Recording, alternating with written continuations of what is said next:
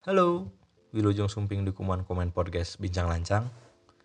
Ya, sebelum ke konten utama kita, um, gue pengen cerita dikit nih tentang Bincang Lancang yang memang digagas dari bulan Januari 2020 dan baru ketepaan launching di April 2020. Um, Januari itu kan belum COVID-19 nih teman-teman.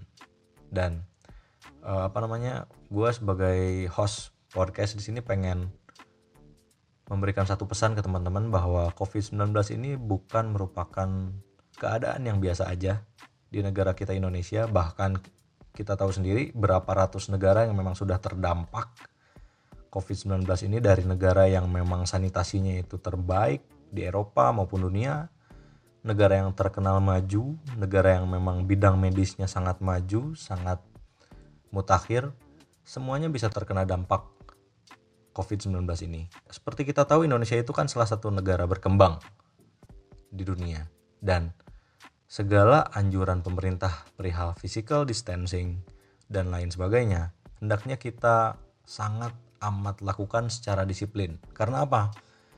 Karena mungkin kalau misalkan teman-teman yang masih muda di bawah 30-an, di bawah 20-an gitu resikonya sangat rendah ya.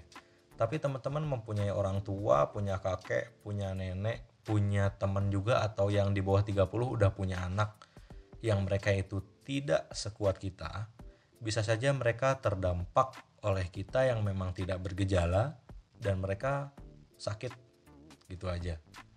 Nah, oleh karena itu gue pengen nyampein sebelum ke konten gue yang pertama, mari kita galakan dan secara disiplin physical distancing, rajin olahraga, mau pagi mau sore silahkan yang memang baik untuk kesehatan kita serta jaga pola makan kita supaya selesai work from home atau apa pun itulah di rumah aja itu kita tidak membengkak teman-teman.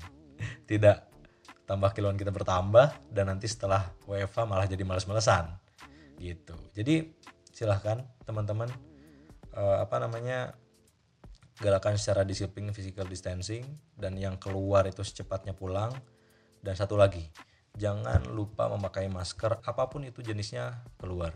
Karena apa? Masker setipis apa pun sejelek apa pun yang teman-teman punya itu sangat amat jauh lebih baik daripada tidak memakai sama sekali. Gitu ya teman-teman. Yuk kita maju ke konten kita yang pertama. Oke okay, let's do the next thing